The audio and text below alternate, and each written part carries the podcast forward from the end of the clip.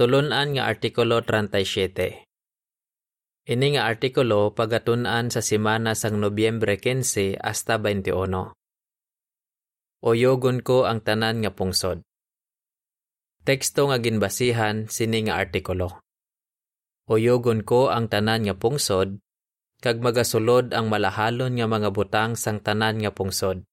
Hagiyo 2.7 Ang bahanon 24 Mataklad kita sa bukid ni Jehovah. Ang binagbinagon sa sining nga artikulo. Binagbinagon sa sining nga artikulo ang bag-o nga paghangop sa Hagiyo 2.7. Tun-an naton kung paano kita makabulig sa makalilipay nga helikoton nga nagauyog sa mga pungsod. Matun-an man naton nga duha ang posible nga reaksyon sa mga tawo sa sini. May maayo kag indi maayo nga reaksyon. Para po uno kag dos, pamangkot.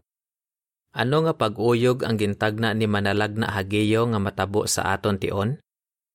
Sa pilalang ka minuto, nagkalarumpag ang mga balaligyaan kag ang daan nga mga building. Nagasinalasala ang mga tawo. Madamo ang nagsiling nga mga duha ka minuto nga naglinog. Pero pamatsyag ko daw indi na maguntat ang linog. Amo ini ang ginsiling sang pila sa mga naka-eksperyensya sang linog sa Nepal sang 2015. Naka-eksperyensya ka man bala sang pareho sini? Posible nga hindi mo gid ini malipatan. Pero may isa ka klase sang pag-uyog nga nagakatabo subong, kag hindi lang isa ka syudad o kon pungsod ang apektado sini. Sa baylo, ginauyog ni Jehova ang tanan nga pungsod sa bilog nga kalibutan, kag madamo nga tinuig na niya ini nga ginahimo. Gintag na ini ni manalag na hagiyo. Nagsulat siya, Amo ini ang ginasiling ni Jehovah sang mga kasoldadusan. Sa liwat, sa indi madugay, uyogon ko ang langit, kag ang duta, kag ang dagat, kag ang mamala nga duta. Hageyo 2.6 Para po tres, pamangkot. Nga hindi pariho sa isa kalinog ang ginsambit ni Hagiyo nga pag-uyog? Puro lang kahalitan ang resulta sang isa kalinog pero ang pag-uyog nga ginsambit ni Hagiyo may maayo nga resulta. Si Jehovah mismo ang nagasiling sa aton.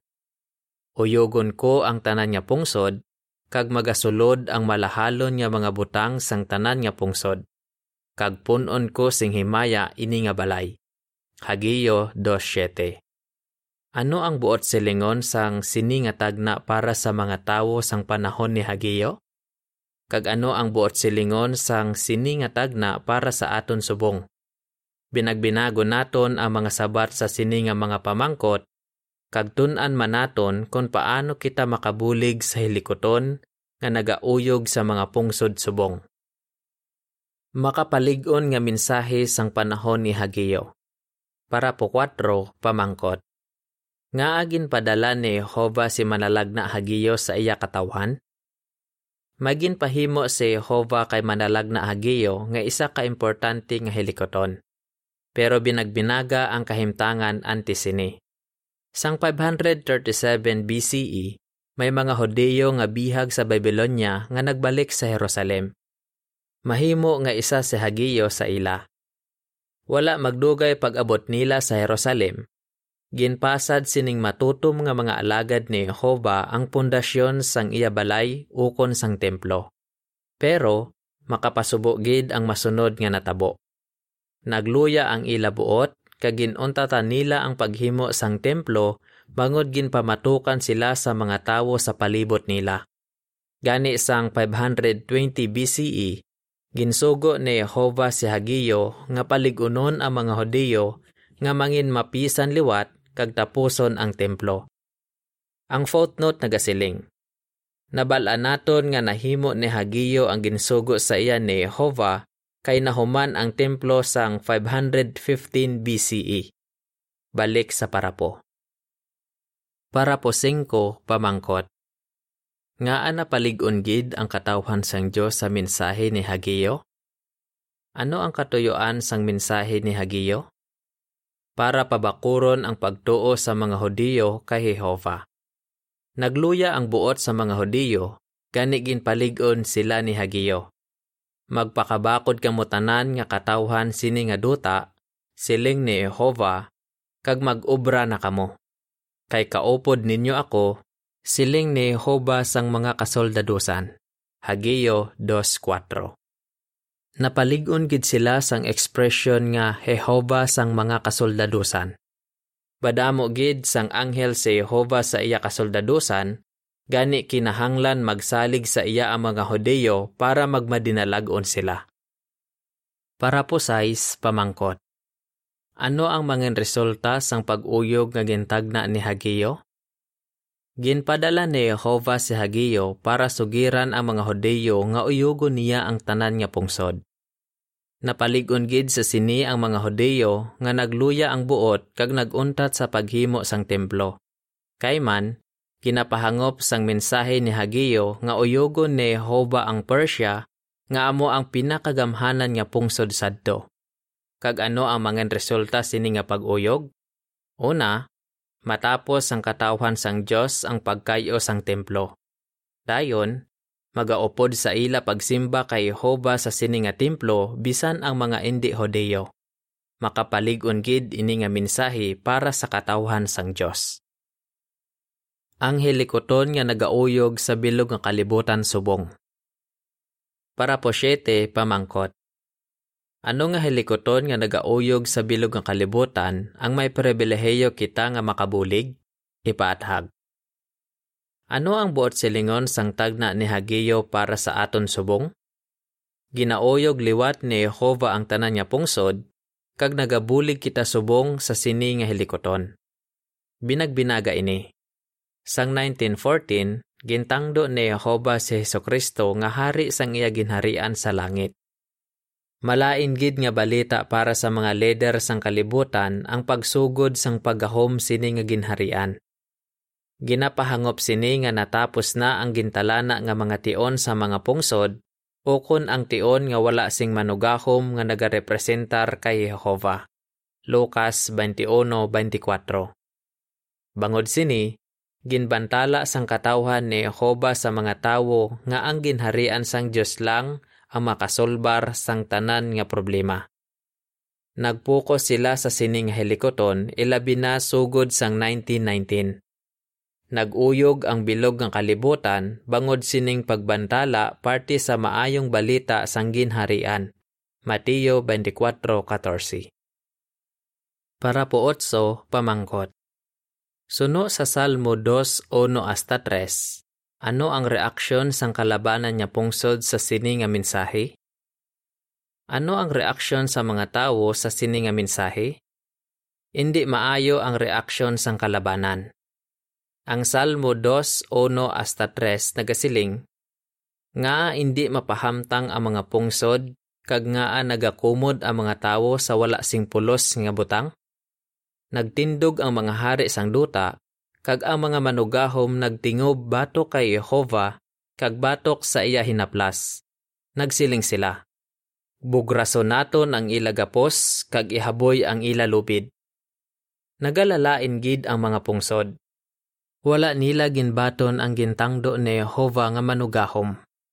Para sa ila, hindi maayong balita ang aton ginabantala parte sa ginharian ginadumilian pagani sang iban nga gobyerno ang aton pagbantala nga helikoton. Nagasiling ang madamo nga manugahom sang sini nga mga pungsod nga nagaalagad sila sa Dios pero hindi nila gusto nga madulaan sila sang autoridad. Gani pareho sa ginhimo sa mga manugahom sang panahon ni Jesus, ginapamatukan man sa mga manugahom subong ang hinaplas ni Jehova paagi sa paghingabot sa iya matutom nga mga disipulo. Ari ang paathag sa mga picture nga gingamit para sa paraposyete kag otso.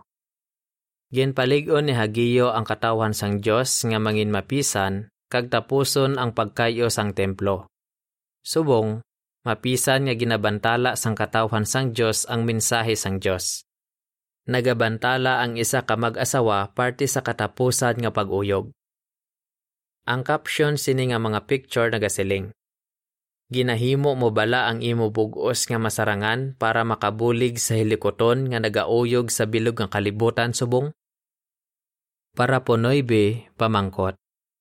Bangod sang indi maayo nga reaksyon sang mga pungsod, ano ang gusto ni Jehovah nga himuon nila? Bangod sang indi maayo nga reaksyon sang mga pungsod, ano ang gusto ni Jehovah nga himuon nila? Ang Salmo 2, 10 hasta 12 nagasabat. Gani, magmaalam kamo, mga hari. Magpatudlo kamo, mga hukom sang duta. Alagda ninyo si Jehovah nga may kahadlok, kag magkalipay kamo nga may pagkurog. Padunggi ninyo ang anak, agud ang Dios indi maakig, kag indi kamo madula sa matarong nga dalanon, kay ang iya kaakig magasilabo sa gilayon malipayon ang tanan nga nagadangop sa iya. Ginapakitaan sila ni Jehovah sing kaayo kay ginahatagan niya sila sing tsansa. Pwede pa nila baguhon ang ila hunahuna kag batunon ang ginharian ni Jehovah. Pero malipot na lang ang tion kay ari na kita sa katapusan nga mga adlaw sang sini nga sistema. Ikaduhang Timoteo 3.1 Gani samtang may tion pa, dapat gid mabalaan sa mga tawo ang kamatuoran kag dapat sila magdesisyon nga alagaron si Jehovah. Maayo ang reaksyon sang pila ka tawo. Para po Jess, pamangkot. Suno sa Hageo 2:7 hasta 9, ano ang maayo nga resulta sang pag-uyog? Maayo ang reaksyon sang pila ka tawo sa pag-uyog nga gintagna ni Hageo. Nagsiling siya nga bangod sang pag-uyog, magasulod ang malahalon nga mga butang, ukon ang sinsero nga mga tawo sang tanan nga pungsod para magsimba kay Jehova. Ang footnote nagasiling, isa ini kapag bag-o sa aton paghangop. Sang una, nagsiling kita nga ang pag-uyog sa tanan nga pungsod, hindi amo ang rason kung nga nag-alagad kay Jehova ang sinsero nga mga tawo Tanawa ang mga pamangkot gikan sa mga bumalasa sa Mayo 15, 2006 nga ang lalantawan. Balik sa parapo. Ang Hagiyo 2.7 hasta 9 nagasiling. Uyogon ko ang tanan niya pungsod, kag magasulod ang malahalon nga mga butang sang tanan nga pungsod. Kag punon ko sing himaya ini nga balay, siling ni Jehovah sang mga kasoldadosan. Ang pilak akon, kag ang bulawan akon, siling ni Jehovah sang mga kasoldadosan. Ang palaabuton nga himaya sini nga balay, mas dako sang sauna, siling ni Jehovah sang mga kasoldadosan. Kaghatagan ko sing paghidait ini nga lugar, siling ni Jehovah sang mga kasoldadosan. May gintagna man si Isayas kag si Mikiyas nga pareho sa sini nga matabo sa katapusan nga mga adlaw. Isayas 2, 2 hasta 4, kag footnote. Kag Mikeyas 4, 1 kag 2, kag footnote. Para po 11, pamangkot. Ano ang ginhimo sang isa ka brother sang nabatian niya ang mensahe sang ginharian? Binagbinaga ang ginhimo sang isa ka brother nga si Ken sang mabatian niya ang mensahe nga nagauyog sa bilog nga kalibutan. Subong, nagaalagad na siya sa World Headquarters. Una niya nga nabatian ang mensahe sang ginharian mga 40 katuig na ang nagligad pero klaro gihapon ini sa iya huna-huna. Nagsiling si Ken. Sang una ko nga nabatian ang kamatuoran sa pulong sang Dios, nalipay gid ako sang natun-an ko nga ari na kita sa katapusan nga mga adlaw sang sini nga sistema.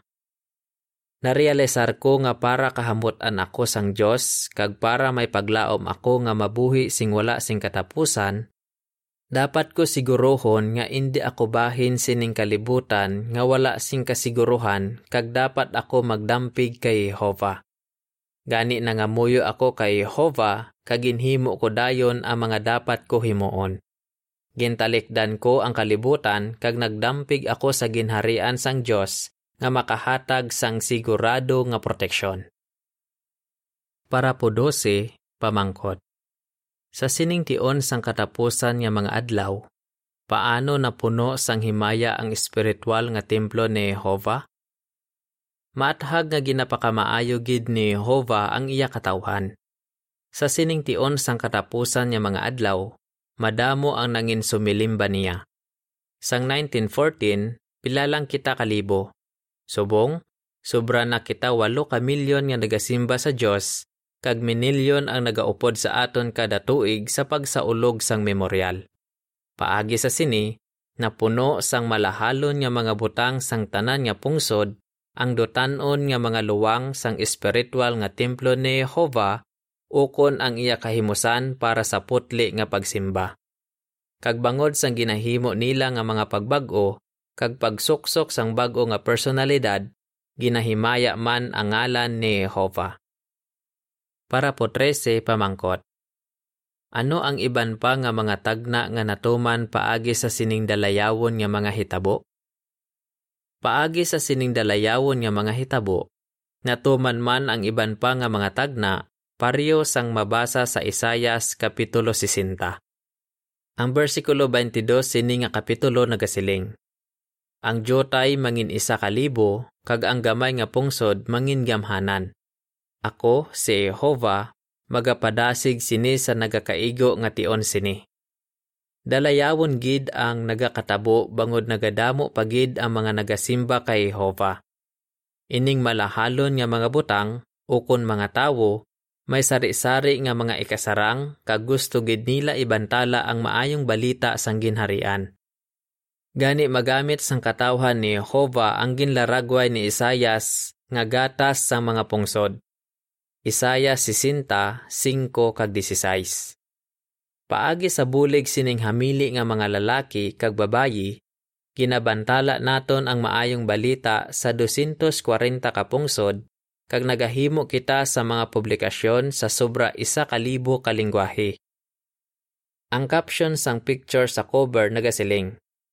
Nalipay gid ang katawhan sang Dios sa bilog nga kalibutan nga ibantala sa iban ang party sa ginharian sang Dios. Tiuna nga magdesisyon.